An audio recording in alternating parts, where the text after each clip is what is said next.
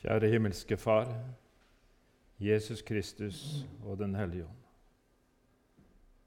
Herre, vi takker deg for samfunn og fellesskap og det du allerede har møtt oss gjennom det som vi har fått høre. Takk, Herre, for at du med Den hellige ånd er til stede og vil forklare ordet, Herre. Vi takker deg for det, Herre. Så takker vi deg, Herre, for at du søker det som er fortapt, og leter etter det til du finner det, Herre. Og det ber vi om, Herre. Amen. Vi skal lese en tekst fra evangelisten Lukas. Det er egentlig en lang tekst, men skal, jeg skal ikke lese hele teksten, men eh, et, eh, et, et stykke av han. Og det er fra evangelisten Lukas i det 15. kapittel, fra vers 11 til 32. Og da er det den beretning om den fortapte sønn, eller sønnen som kom hjem, eller Det er så mange overskrifter når det gjelder den beretningen. Men jeg tenkte vi sammen her i dag skulle lese fra det 17. verset og ut til og med det 24. verset. Men dere som har jo Bibel, kan jo lese dette her selv, hele beretningen. Men vi leser slik fra 17. verset i Lukas 15. Da kom han til seg selv og sa:" Hvor mange leiekarer hjemme hos min far har ikke mat i overflod, mens jeg går her og sulter i hjel. Jeg vil bryte opp og gå til min far og si, Far, jeg har syndet mot himmelen og mot deg. Jeg fortjener ikke lenger å være sønnen din, men la meg få være som en av leiekarene dine. Dermed så brøt han opp og dro hjem til faren. Da han ennå var langt borte, fikk faren se ham, og han fikk inderlig medfølelse med ham. Han løp sønnen i møte kastet seg om halsen på ham og kysset ham. Sønnen sa, 'Far, jeg har syndet mot himmelen og mot deg.' 'Jeg fortjener ikke lenger å være sønnen din.' Men faren sa til tjenerne sine, 'Skynd dere, finn fram de fineste klærne og ta dem på ham,' 'og gi ham ring på fingeren og sko på føttene.' 'Og hent gjøkalven og slakt den, så vil vi spise og holde fest.' For denne sønnen min var død og er blitt levende, og han var kommet bort og er funnet igjen. Og så begynte festen og gleden. Fariseerne og de skriftlærerne de var veldig forarga på Jesus og kom eh, med mange anklager mot ham. Og innledningen i Lukas 15 så ser vi i grunnen til det i vers 1 og 2 alle toller og syndere holdt seg nær til ham for å høre ham. Og både fariseerne og det skriftlærde knurret og sa:" Denne mannen tar imot syndere og eter sammen med dem. De likte rett og slett ikke omgangskretsen til Jesus. Det var uhørt av Jesus at han skulle omgå slike mennesker, tollere og syndere, som holdt seg nær til ham. Hvorfor støtte han ikke fra seg? Men det Jesus svarer med, det er nettopp å bl.a. å fortelle denne beretningen her om denne fortapte sønnen, hvor Jesus tar hånd om det som er fortapt, hvor Jesus søker den fortapte, og slik han er, er han også i dag. Og Så kan vi gjerne stille disse spørsmålene for oss selv underveis i dag når vi lytter til ordet. Hvor er jeg i denne beretningen? Eh, handler det om meg, Herre? Er jeg en av sønnene, eller er jeg bare den som sitter og hører, ser og observerer? Og Ordet til oss i dag handler om to sønners forhold til sin far. Og Denne beretningen den anskueliggjør evangeliet på en enestående måte. Vi mennesker kan innrette oss på to ulike måter i forhold til Gud. Vi er skapt i samfunn med Gud, men dette samfunnet det ble ødelagt pga. synden som kom inn i verden. Og det førte til at det en vei finnes en vei bort fra Gud, men også denne muligheten at det finnes en vei tilbake til dette samfunnet. Veien bort fra Gud og veien tilbake til Gud. Det er nettopp denne beretningen her som vi har lest, vitner nettopp om dette. Altså, her i ordet så møter vi en far og to sønner, hvor den yngste sønnen forlot sin far. Han ville bort ifra fars omsorg og omtanke. Det var, så, det var, noe annet som lokket og dro for å komme bort ifra sin far. Og For å få gjennomført denne planen så måtte han be om forskudd på arven, slik at han kunne eh, komme seg av gårde. Og Så kan vi gjerne spørre oss selv kunne far forhindret de å gjennomføre en slik plan. Jo, det kunne han helt sikkert, men far han gjorde det ikke. Tvang og makt hjelper lite i en slik situasjon. Og er ikke nettopp dette når foreldre oppdager når barna blir voksne, at da har de ikke lenger mulighet for å styre barnas liv? Og I oppveksten så kan vi påvirke barna våre, komme med våre formaninger. Men før eller senere så må foreldrene slippe kontrollen. Og Det kan gjerne bli en smertefull prosess for mor og far, og spesielt når barna velger en annen vei enn det foreldrene har pekt på som den rette. Og så smertefullt er det også for vår himmelske Far når hans barn går sin egen vei.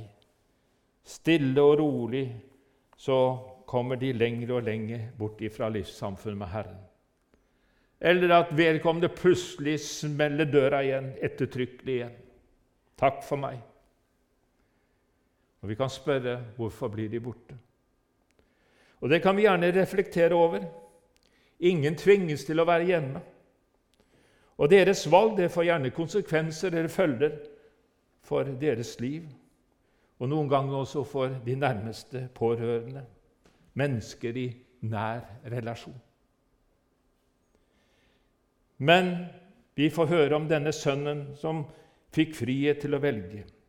Han ønsket å etablere et helt nytt liv, og kanskje han tenkte livet er mitt, og jeg har rett til å styre meg selv.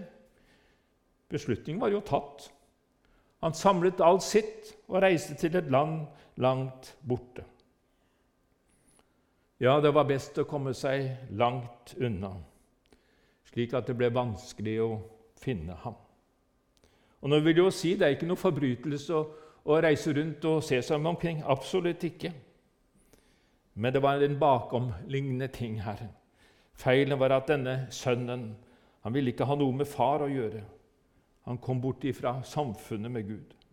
Og Hele beretningen forteller om et menneske, menneske, som går bort fra Gud, og som ikke lenger bryr seg om Guds nåde og kjærlighet, og lever et liv uten Gud.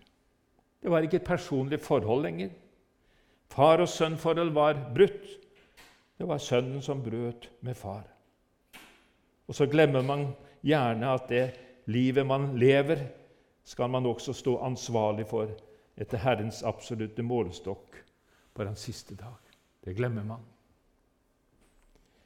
Og så fortelles det her i et fremmed land langt borte så gikk det ikke så bra med han. Han brukte opp alt det han eide i et forferdelig liv. Han tapte alt på en slik måte at han måtte nå begynne å dele livet sitt sammen med grisene. Det var jo en stor sultkatastrofe som kom til det landet. Og Det står at han begynte å lide nød. Det var ikke nok mat. Det var ingen som gav han noe. Og hans såkalte venner var nok der så lenge han hadde penger.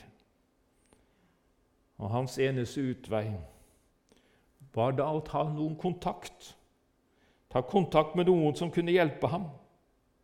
Og hva ble resultatet? Jo, i en tjeneste hos en grisebonde. Han måtte ta til takke med å være en grisegjeter. Og han fikk ikke noe annen mat. En skolme står det om i Bibelen, altså fruktavfall. Maten hans det var fruktavfall, og det var det samme som grisene åt. Altså, han spiste den samme maten som grisene spiste på grunn av denne sultkatastrofen. Og det var det han måtte fylle sin mage med, for det fantes ingen annen mulighet. Hva er det som er i ferd med å skje? Jo, han er kommet på et fullstendig bunnivå i sitt liv. Han kunne ikke komme lenger ned enn dette her. Fallhøyden hadde vært stor. Et dypt fall i elendighet og nød. Og så må vi huske det at grisen er et urent dyr for en jøde. Tenk å holde la seg med griser og gjete de og spise den samme maten. Han er fortapt. Slik er det å være borte fra Gud, komme fullstendig på avstand. Og livet, det taper sitt innhold. Og det er så meningsløst. Og hva er det Jesus vil lære oss?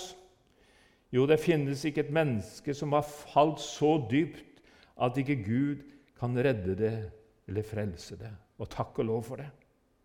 For nettopp midt i nøden og, elendigheten, og at han så seg selv fortapt, så står det at han kom til seg selv. ja. Han kom til seg selv. Altså Når det ser mest håpløst ut, så griper Gud inn med sitt nådekall. Kallet til frelse og oppgjør. Gud griper inn i livet. Kanskje han ikke var klar over det i første omgang, at det var Gud som egentlig grep inn der og da. Men han fikk det vondt i den situasjonen som han befant seg i. Da han kom til seg selv Altså, han levde vel i sin egen verden, eller i sin egen boble, som man pleier å si i dag.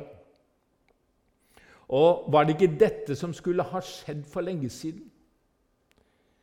Men han så det ikke. Han var fullstendig forblindet av det livet han levde. Hva er det jeg egentlig har drevet på med? Gud har med sin vekkende ånd fått gjøre sin gjerning. Gud hadde gjort noe med ham der og da. Og nå gjaldt det for denne grisegjeteren i et fremmed land langt borte nå er det nå eller aldri.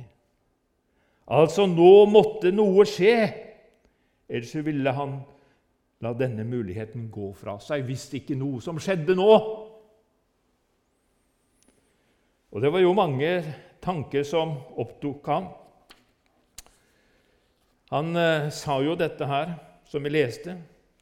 Jeg vil bryte opp i vers 18, jeg vil bryte opp og gå til min far og si:" Far, jeg har syndet mot himmelen og mot deg.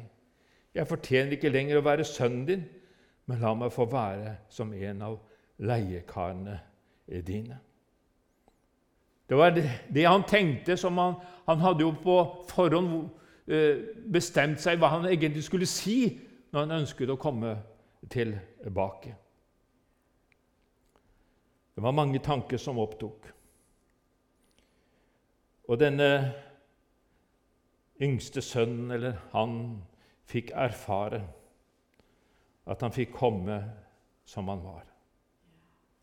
Og så kan vi se, sette oss inn i dette bildet. En grisegjeter. Hvordan tror du han så ut? Ja. Tror du at han hadde denne muligheten til å vaske seg og skifte klær slik han så mer anstendig ut eller fin ut da han hadde bestemt seg for å møte sin far igjen. Han som nå skulle bli en ordinær arbeidstaker hos sin far.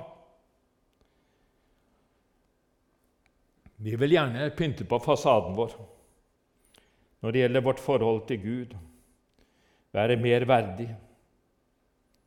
Men selv om vi anstrenger oss til det ytterste, så vet vi at vi ikke er i stand til det.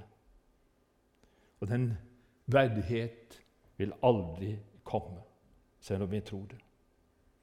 Men det er bare én fasade som gjelder for Gud, Og det er Guds rettferdighet i Jesus Kristus. Det er Jesus Kristus som møter synderen. Det var hos Jesus oppgjøret skjedde. Og den rettferdighet som Jesus skaffet til veie med sin død over synden på korset, det er den rettferdighet som gjelder for Gud, og ingen annen rettferdighet. Det er mange som søker sin egen rettferdighet. Det, det forsøkte også denne her eldste broren også. Men det er bare at den rettferdighet holder ikke. Mulighet er at mange lever i denne villfarelsen 'Jeg gjør så godt jeg kan'. Men det holder ikke.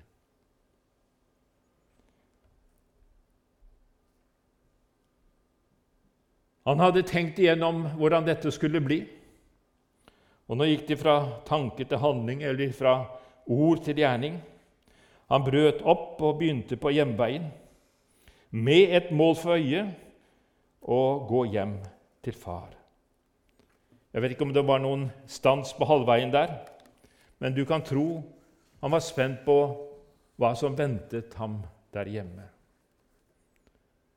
Langt borte så fikk faren se han komme. Det står han fikk inderlig medfølelse, eller medynk også, som det pleier å stå med ham. Mens han var langt borte, så fikk denne faren medfølelse for ham. Og Jeg tror nok ikke at det var bare denne dagen han hadde forsøkt å se etter ham. Jeg tror den dagen han forlot hjemmet, så hadde han sikkert både sett eller speidet etter Sønnen. Med det spørsmålet kommer han ikke snart hjem igjen. Faren hadde ikke gitt ham opp.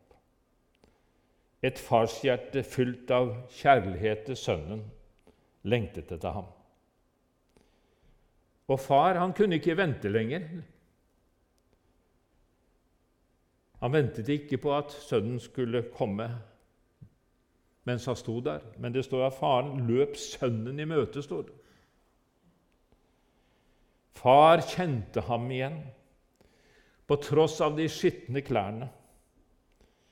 Og I dette møtet så ble det ingen bebreidelser, anklage med dom i blikket. Men det står at det ble en herlig omfavnelse, kan du tenke deg. Om halsen med kyss. Slik var det å komme hjem.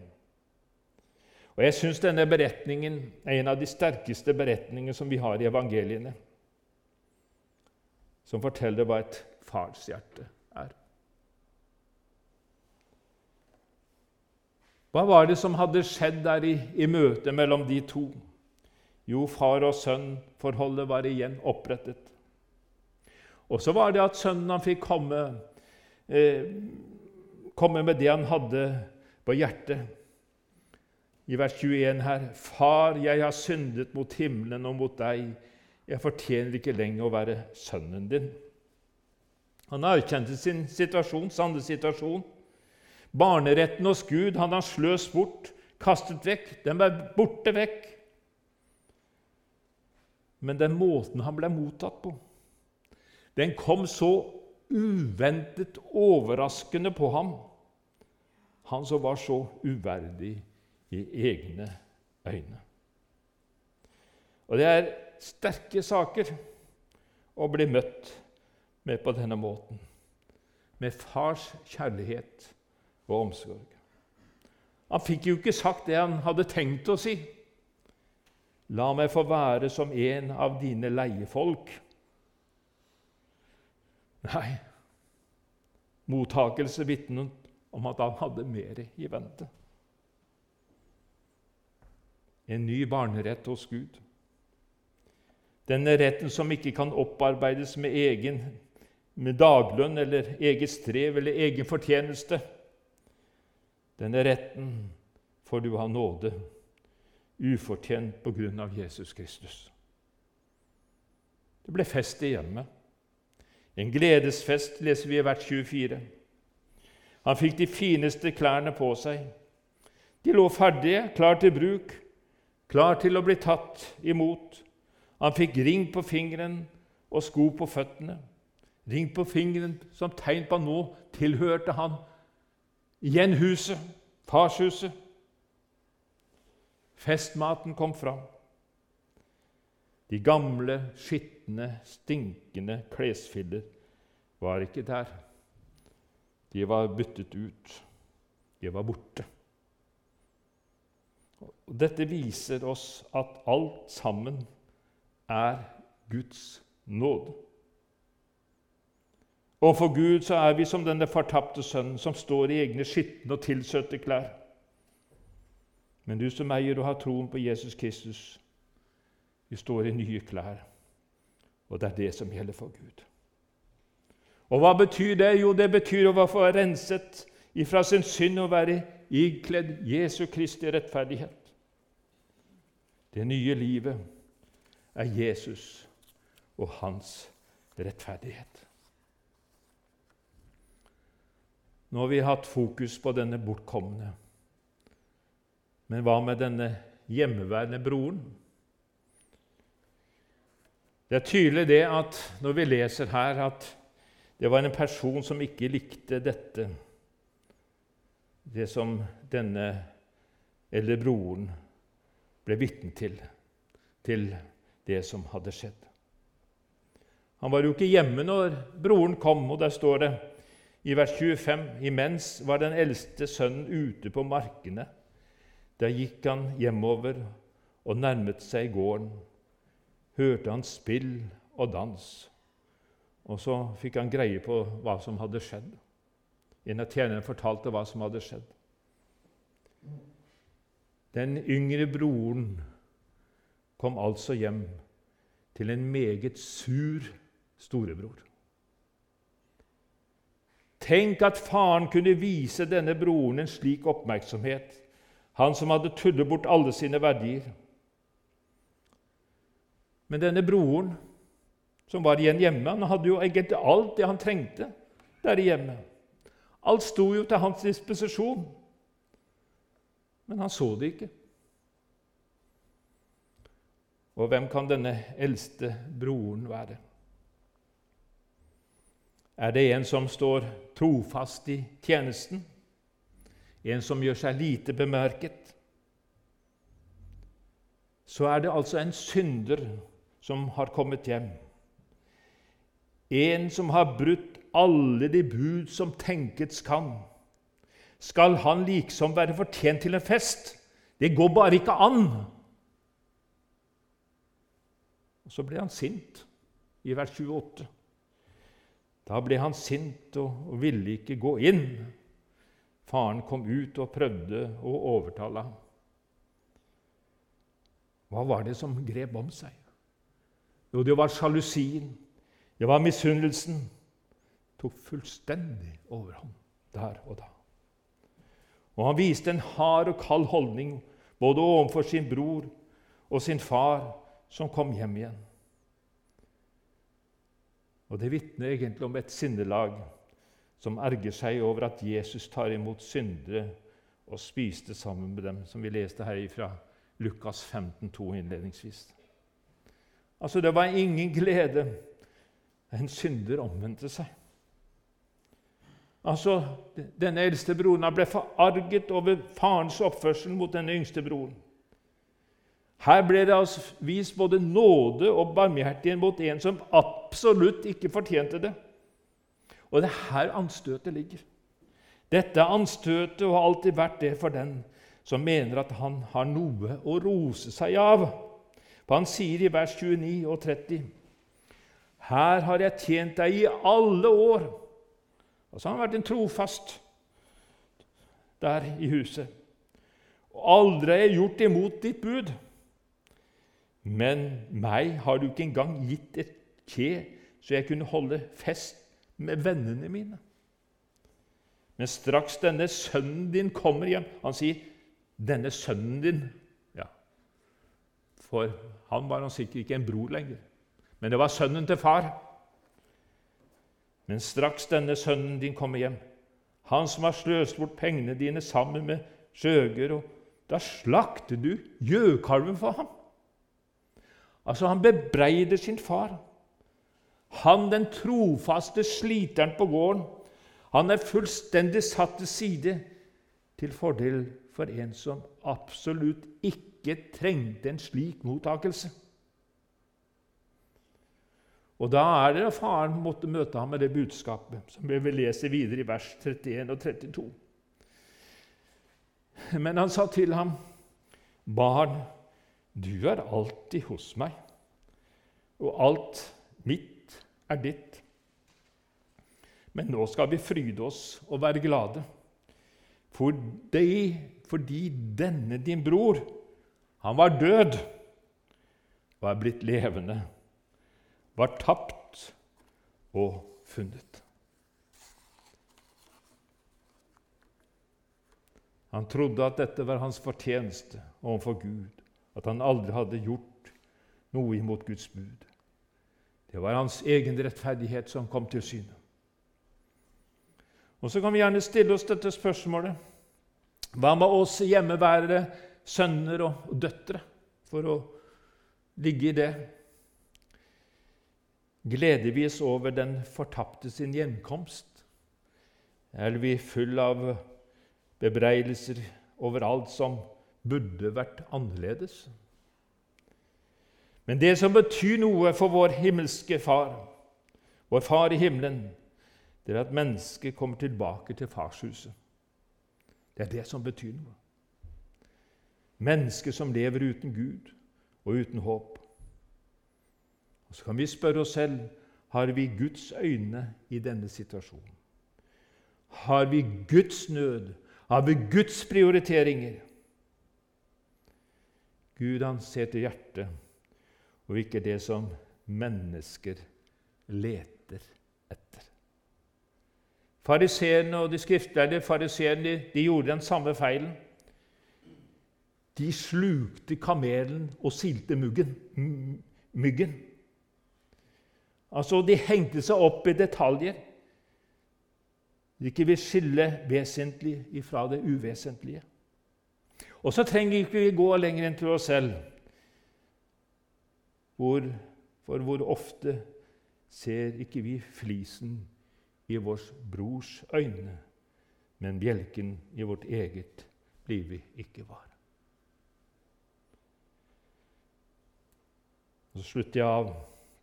Jesus sier om seg selv, Johannes 10, 9. Jeg er døren, sier Jesus.